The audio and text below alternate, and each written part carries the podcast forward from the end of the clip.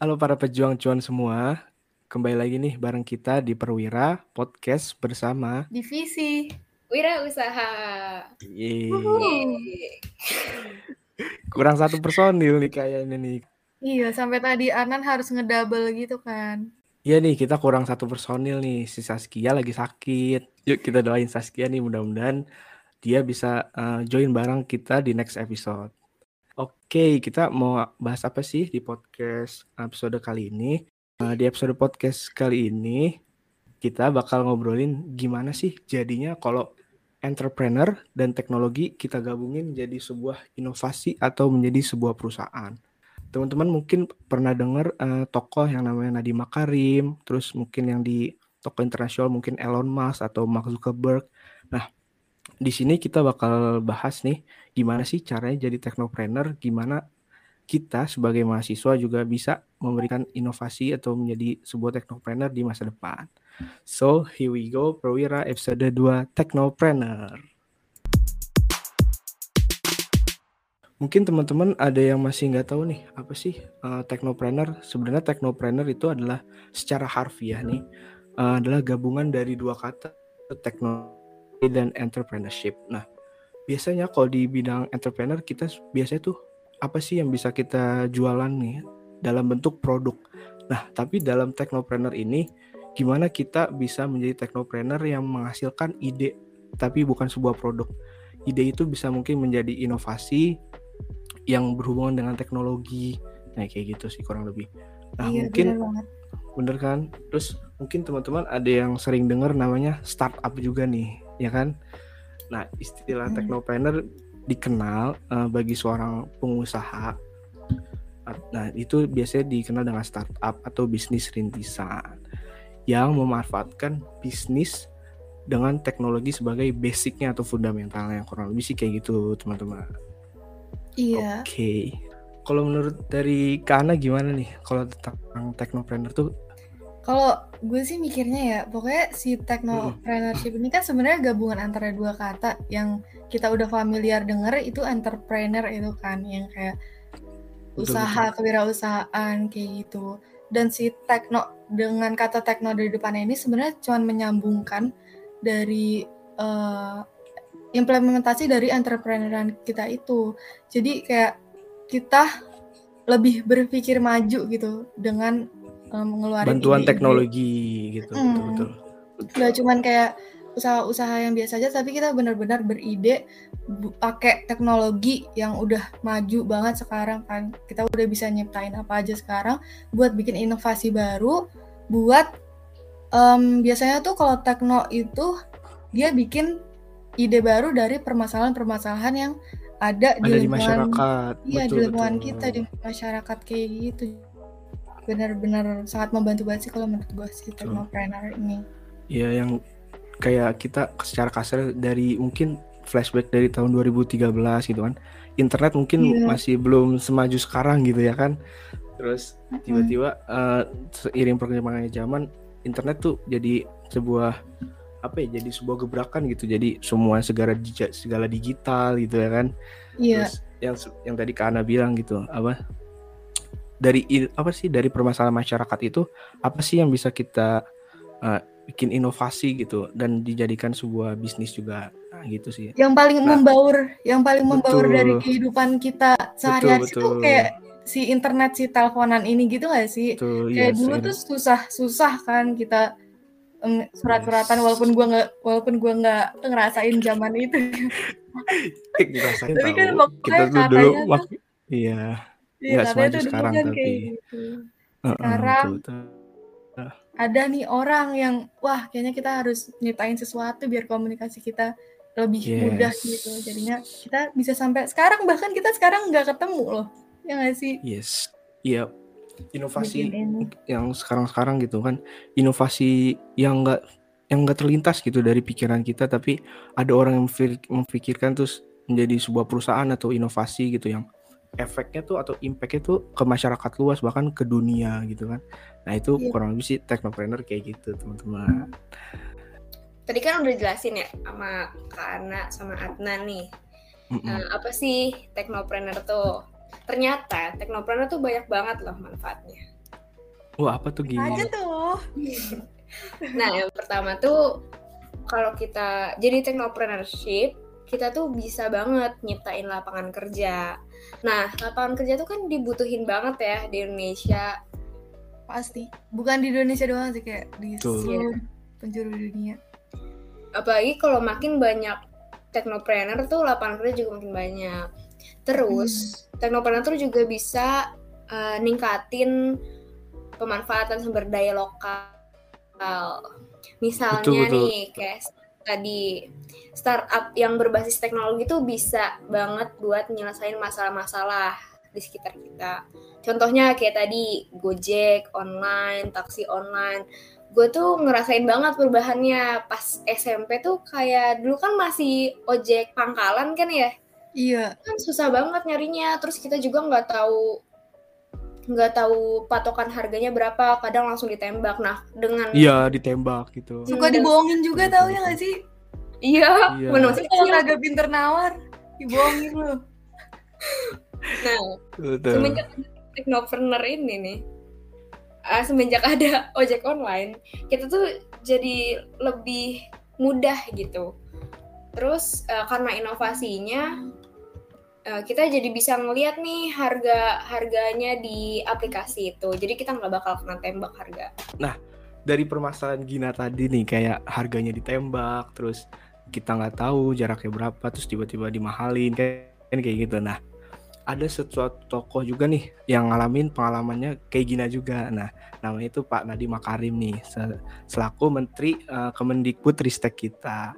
Nah, si Pak Nadiem juga awalnya kayak Gina juga nih pengalamannya kayak harganya nggak tahu, terus tiba-tiba jarang ada yang mau juga ya kan karena mahal. Nah, dari situlah yang tadi udah Kana bilang juga dari permasalahan di masyarakat gitu. Nah, si Pak Nadiem ini juga eh, punya problem solving itu dari eh, keresahan masyarakat. Nah, di situlah awal mulanya pendirinya Gojek kayak gitu.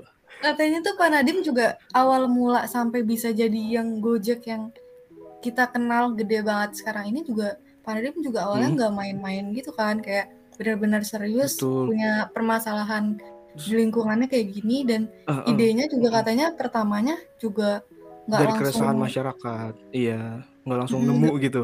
Pasti pasti nemu. dari pengalaman juga gitu. nah, iya. Kepikiran tadi nih inovasi gitu.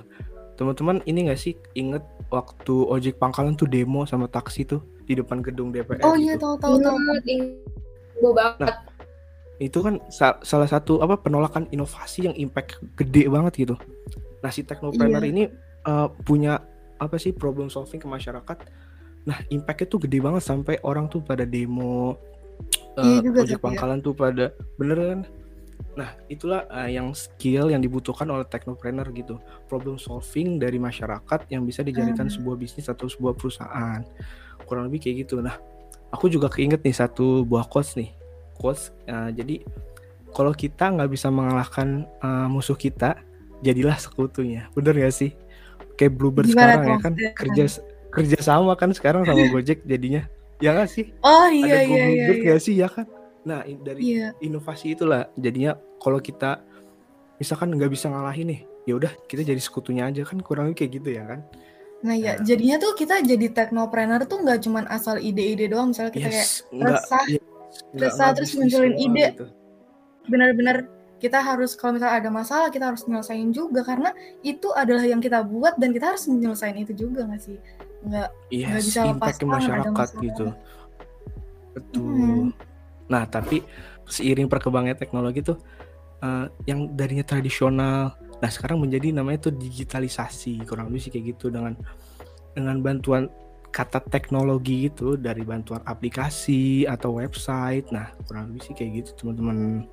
tentunya Bener yang sih? ada iya benar Mm-mm. banget tentunya yang ada sekarang itu pasti mempermudah ya mempermudah dari Yes, mempermudah. keresahan kita banyak sih banyak juga nih Mm-mm. yang orang-orang yang gaptek gitu kan iya Hmm, itu tuh betul-betul. makanya demo tuh karena mereka menolak inovasi itu atau ini enggak sih? Misalkan Nah, tuh kayak betul. em, biasanya tuh orang-orang dulu yang sekarang atau bisa dibilang lansia-lansia tuh kayak i- mereka tuh pengen ikuti zaman yang sekarang karena zaman yang sekarang tuh udah mudah banget gitu kan. Kayak misalkan ke mana-mana pakai ojek online kayak gitu pengen pesen tapi tuh kayak mereka tuh masih ngerasa susah gitu. Jadi kayak suka ngeluh gitu gak sih? Kayak itu orang tua gue banget karena mereka di masa nah, kita... transisi bener-bener transisi gak sih iya kita harus yes, terbiasa dengan transisi ya. baru ini kayak itu juga gak sih uh, yang yang kayak tadi orang tua itu kurang ngerti gitu cara makein mm-hmm. teknologi yang ada sekarang mm-hmm. itu juga bisa jadi problem solvingnya para technopreneur gitu kan biar gimana caranya mempermudah biar uh, orang-orang yang uh, kira-kira gaptek gitu bisa ngerti secara mudah tentang aplikasi-aplikasi yang udah ada sekarang atau inovasi-inovasi yang sekarang. Literasi digital ya, Pak. Oh, ya. Iya. Nah, itulah yang yang menjadi kesempatan atau sebagai teknopreneur gitu mencari kesempatan dari sebuah inovasi dan jadikan sebuah nggak sebuah produk juga nih tapi inovasi yang ber, menjadikan impactnya tuh sebagai masyarakat gitu ke, ke masyarakat jadi kayak menciptakan lapangan pekerjaan kita di menambah devisa buat keuangan negara nah, kurang lebih teknopreneur tuh kayak gitu teman-teman nah selain Pak Nadiem Makarim nih yang seperti kita tahu nih ada namanya aplikasi namanya Tokopedia nih teman-teman. Kira-kira oh. teman-teman oh. ada yang pakai nggak nih di sini? Pakai dong. Pakai. Iya. Nah, kemarin kita juga jualan di Tokopedia kan?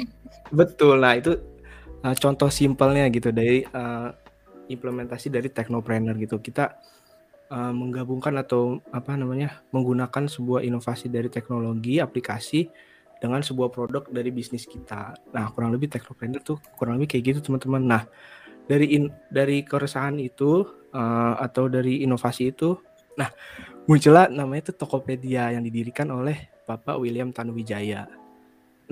Cita-cita dari Tokopedia ini mulia banget nih teman-teman kayak memegang teguh untuk mengembangkan usaha kecil dan menengah di Indonesia nih kayak UMKM. Nah, kayak kemarin kita juga tuh dari bisnis club tuh kita kan uh, iya. ada beberapa UMKM dari Depok terus dapat pelatihan atau coaching dari uh, dosen di di Universitas Pajajaran gitu. Nah, dari awalnya bisnis plan gimana sih caranya kita membangun sebuah bisnis dari uh, dari plannya dulu gitu. Nah, baru baru eksekusinya. Nah, betul. Nah, terus nanti mungkin dari dulunya cuman jualan offline ya kan. Terus tiba-tiba iya. ada bantuan inovasi dari teknologi aplikasi dari Tokopedia kayak gini. Jadi jadi apa ya? Pasarnya itu cuma nggak bukan dari sekitar aja gitu, tapi bisa dari seluruh Indonesia juga. Nah itu yeah. dari uh, misi dari Tokopedia gitu sih. Terus terus Ninan. Uh, mm -hmm. Kalau kita jualan offline itu kan kita harus nyewa kios, nyewa ya, betul betul. Gitu kan pengeluarannya juga lebih banyak. Sedangkan kalau misalnya kita lewat internet kan kita cuma modal foto produk sama ya, data mobile aja kan. Iya. Itu bisa menghemat. Jadi lebih simpel ya. Bisa. Ya. Hmm, Makanya betul, tau nggak sih itu apa namanya? Makanya tuh sekarang tuh toko to barang yang ada di toko-toko sama yang ada di online tuh rata-rata lebih murah di online. Soalnya iya. karena apa mengurangi iya. budget-budget yang harus kita adain kalau misalnya offline nyawa toko segala macam. Betul. Gak bisa milih sesuai kemauan kita juga gitu kan, nggak perlu ke pasar, bawa waktu, tinggal search aja gitu. Iya, terus kan nanya-nanya ke mbaknya harganya berapa, terus kagak iya, jadi beli. nego nego. Pengalaman banget nih kayak ini kan nih. ya kan jadinya bingung sih gitu. Ibu nawar gini nih. Ibu-ibu nawar ya kan, sekali nggak dapat pergi, eh dipanggil lagi. Iya. Triknya gitu. Triknya Pergi gitu. Ya. dulu.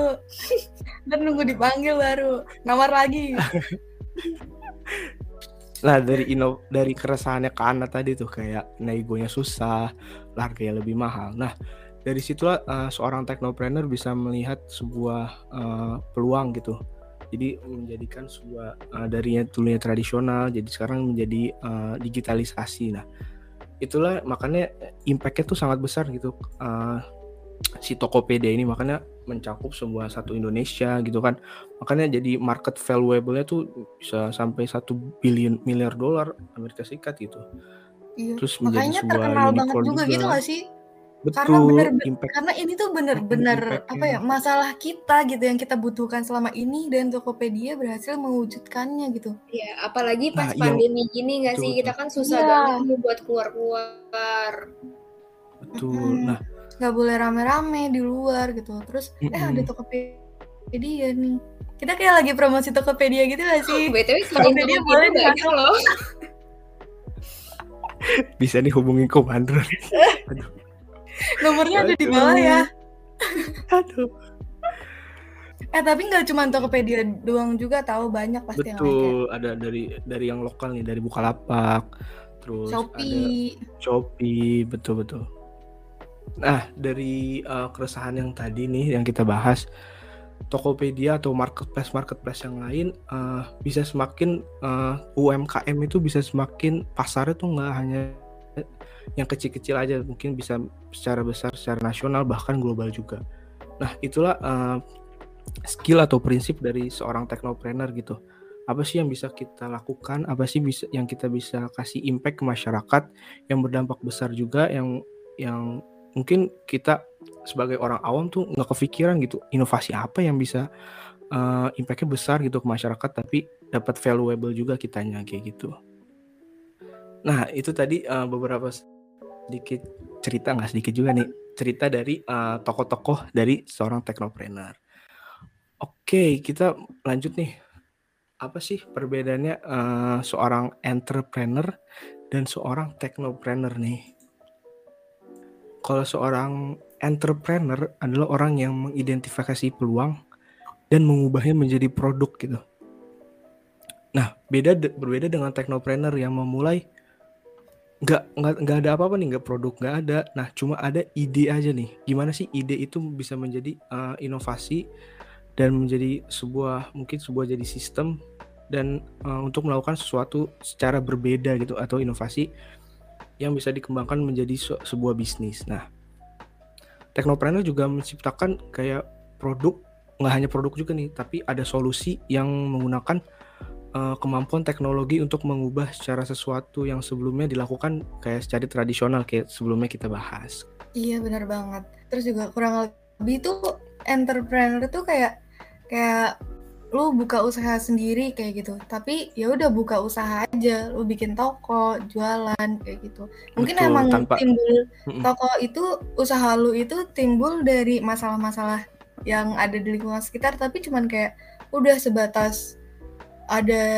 Iya, permasalahan masih terus bikin toko terus udah gitu ada yang beli ya udah gitu tapi Iya. kalau teknopreneur ini bener-bener kayak dari permasalahan yang ada terus inovasinya gimana dibikin ide dan langsung eksekusinya mhm. pasti menggunakan teknologi yang sedang berkembang gitu atau akan dikembangkan bahkan dengan si teknopreneur ini Betul, yang gitu biasa ya kita kenal tuh sebuah startup ya kan gitu. Iya. Sekarang banyak banget juga bisnis-bisnis startup yang bermunculan kayak gitu dari masalah-masalah yang ada. Di komando kita juga itu loh, juga udah banyak banget yang bikin bisnis startup kayak gitu. Betul. Udah pada gede-gede, gue juga kayak, wow ini cutting-cutting kita udah Yes. pada keren-keren kayak gitu, udah pada Yang nggak kepikiran, iya nggak kepikiran Mm-mm. kita inovasi apa ya, tapi dari seorang teknopreneur tuh bisa memikirkannya gitu. Yap. Kita kapan ya? Kita kapan ya? Yuk, dibikin yuk bertiga. Wah, Kita bertiga Saskia nggak Oh diajak. iya nih, Wah, Sas. Saskia lu panas kalau sih denger ini, Sas gue. kata gue langsung marah-marah Sas sekarang. Mikir balik marahnya. Ngomong-ngomong tentang membangun sebuah startup nih, biasanya kan seorang tekno, eh seorang entrepreneur tuh bisa gitu ngelakuin sendiri atau secara solo gitu. Mungkin kita hanya jualan bisa dari eh, barang orang lain gitu. Terus mungkin ya kita bisa ngejalanin bisnis itu secara sendiri. Nah, berbeda dengan seorang teknopreneur gitu. Dia nggak bisa menjalankan sebuah bisnisnya secara sendirian. Kita butuh seorang tim atau eh, dalam untuk bekerja sama dalam membangun bisnis. Nah, ada istilah namanya tuh 3H, teman-teman. Yaitu ada hacker, hustler, dan hipster. Nah, apa tuh kira-kira? Nah, hacker itu biasanya tuh kayak dari seorang developer gitu jadi seorang uh, yang membuat sebuah sistem nah itu dibutuhkan juga nih dalam membangun sebuah startup dan menjadi sebuah partnership di sebuah uh, teknopreneur. Contohnya tuh kayak uh, engineer, kayak data analis, kayak yang geek-geek tentang hack itu gak kayak teknologi kayak gitu. Orang kayak di balik layar lah. Ya. IT banget gitu ya. Betul, betul. Nah, kalau tadi hacker kan di uh, belakang layar gitu kayak membuat sistem, developer, uh, data analis dan yang lain-lain. Nah, selanjutnya tuh ada uh, yang di frontman-nya nih, namanya tuh hustler. Jadi tuh kayak frontman-nya atau uh, buat kayak contohnya tuh kayak pitching buat investor, terus uh, orang buat operation. Lebih ke Jadi relasinya tuh, gitu ya? Betul, human relationnya. Jadi yang tadi ya hacker tuh di uh, belakang layar dah, si hustler ini di depan layar gitu. Gimana caranya dia uh, mempromosikan sebuah bisnisnya ke khalayak luas? Kayak gitu kayak buat pitching investor dan yang lain kayak gitu. Nah selanjutnya tuh ada hipster nih. Gimana caranya dari sebuah hacker yang udah bangun sistem nih dan si hustler yang udah misalkan udah dapat dana dari investor dari pitchingnya dia. Nah gimana kita dapat mengemasnya secara baik. Nah itulah dari uh, sebuah startup dibutuhkan namanya sebuah hipster seorang hipster sorry. Nah si seorang hipster ini uh, dia tuh kayak buat desain mengemas sebuah uh, bisnis atau aplikasi biasanya kalau startup tuh ya kan. Nah gimana caranya uh, untuk kayak contohnya itu kayak uh, desainer UI UX kayak gitu kurang hmm. lebih terus logo biasanya tuh yang buat apa ya brand identity gitu buat brand identitinya nah itulah hmm. uh, beberapa kayak 3H itu yang dibutuhkan untuk sebuah startup atau teamwork kerja sama tim untuk membuat uh, sebuah startup gitu. Jadi startup tuh nggak bisa berjalan sendirian tapi dia tuh butuh uh, tim yang untuk membangunnya. Ya contohnya atau basicnya fundamentalnya itu dari tiga H ini hacker, hustler dan hipster kayak gitu. Berarti itu nggak sih si hacker ini dia tuh nyiapin dasar-dasarnya dulu nih apa betul, sih yang mau kita buat sistemnya. Iya, iya kayak betul. gitu. Terus si hustler ini yang nyari investornya kayak gitu buat mempresentasikan frontman-nya, frontman. Uh, ke depannya kita bakalan ngapain? Itu bahan presentasi itu dibikin sama hipster. Nah, benar. Dari PowerPoint tuh kita misalkan udah fix nih. Nah, kita buat aplikasinya kan. Nah, si hipster ini jadinya sebuah uh, jadi seorang uh, UI UX gitu membuat aplikasi yang user friendly. Nah, kayak gitu sih kurang lebihnya yang bakal di benar-benar dikonsumsi sama betul uh, sama konsumen target gitu ya konsumennya. Betul, betul. Nah itu uh, basic atau fundamental dari sebuah startup team ada tiga ada hacker, hustler dan hipster. Oke, okay. sebenarnya ada lagi nih teman-teman. Kita sebagai mahasiswa uh, mungkin ada yang cita-cita jadi teknopreneur juga nih. Nah keuntungan menjadi teknopreneur tuh apa sih? keuntungan jadi teknopreneur itu bisa menghasilkan produk yang nggak bisa diprediksi gitu. Terus dia tuh selalu berinovasi, semakin berkembangnya uh, teknologi Betul. juga semakin banyak inovasi. Terus memberi dampak yang besar buat masyarakat, kayak contohnya kemarin Gojek itu kan membuat perubahan yang besar banget ya Betul, kontribusi juga buat masyarakat gitu. Terus membangun ekonomi juga nih, apalagi di Indonesia ya kan. Iya. Terus juga Udah. itu gak sih kalau keuntungan yang uh, buat kita banget kayak mahasiswa, apalagi kan kita nih teknik informatika. So pasti implementasinya dari pelajaran-pelajaran kita ini teknopreneur gak sih? Betul, kayak bikin-bikin startup kayak, kayak gitu. Betul, betul. Apalagi tadi tuh masuk banget tuh di yang tiga 3H itu. Iya, yang kita pelajarin selama ini gitu. Uh, diajarin buat bisa jadi si teknopreneur ini. Terus juga si dari tokoh-tokoh yang kita sebutin tadi kayak Pak Nadiem Makarim kayak gitu-gitu kan awalnya juga mereka belajarnya dari teknik informatika. Jadi banyak banget peluang buat kita dan teman-teman teknik informatika lainnya buat jadi teknopreneur kayak gitu tapi nggak cuma dari teman-teman teknik informatika juga ya kayak banyak banget asal punya ide terus punya bakat soalnya bakat penting banget sih buat si teknopreneur ini ilmu Betul kayak sumber daya manusianya. Kayak aku kan? kemarin tuh di Gelora Wirausaha nih. Jadi tuh uh, dari berbagai fakultas juga nih dari berbagai latar belakang fakultas kayak ada yang dari FEB, kayak aku dari uh, fakultas teknik gitu, mungkin ada yang dari fakultas lain. Nah, itu jadi bergabung kan? bersama gitu. Jadi work team gitu dari kayak tadi kita sebutin dari 3H gitu. Mungkin dari anak FEB tadi jadi hipster, terus dari anak uh, teknik jadi hacker gitu dari dari Iya. mungkin dari anak cafe dari ya anak sih? D- Buat FIB, desain DKV jadi betul jadi hipsternya gitu sih Kita jadi tinggal- work team lah Iya, Mm-mm. kita tinggal nyesuaiin diri kitanya gitu aja gak sih kayak Yes, kita jagonya di mana yes. nih, terus kita butuhnya Betul, betul. apa nih, yang kurang dari kita apa ya kita tarik orang yang eh kita kira bisa Mumpuni di bidang itu. ya mumpuni di bidang Betul. itu dan juga yang penting itu sejalan sama kita. Kalau misalnya nggak mumpuni, Punya visi yang sama. Ya kalau misalnya orangnya keren, mumpuni gitu, pokoknya uh ilmunya ke mana-mana gitu. Tapi kalau misalnya visi misinya nggak sama, nanti Ya, ya ada gitu, debat nggak doang nggak sih? yes nggak sejalan Teamwork Betul, yang betul. harusnya Yes. dituju dalam si teknopreneur ini nggak bakal jalan. nah itu tadi eh, keuntungan nih eh, menjadi seorang teknopreneur mungkin dari kita yang dengerin nih mungkin ada yang cita-citanya masa depannya jadi teknopreneur nih mungkin nanti ini bisa jadi sebuah eh, apa ya sebuah Gebrakan betul Permulaan. buat teman-teman juga jadi ya betul membulatkan niat atau cita-citanya menjadi seorang teknopreneur Iya. Apalagi banyak banget manfaat yang bisa diambil baik untuk kita atau buat masyarakat masyarakat sekitar yang dituju. Oke, mungkin eh, sekian eh, ngobrol-ngobrol kita nih tentang teknopreneur. Kita juga masih belajar ya dalam obrolan ini juga Yes. ya bukan Uh-uh, 100% kita benar enggak tapi kita juga lagi diskusi nih Yes. lagi sama-sama belajar betul. apa sih itu teknopreneur dan juga tentunya membangkitkan semangat kita lagi buat mewujudkan Terus belajar. ini. Mm. betul betul. Nah itu juga eh, dari based on apa yang kita tahu ya. Iya, Boleh banget kalau kalian punya pendapat lain. ramein aja stay Instagramnya tune terus Komandro dan Betul, podcast di ini. Instagram Komandro. Oke, see you guys on the next Perwira episode. See you. Bye. Bye. Bye.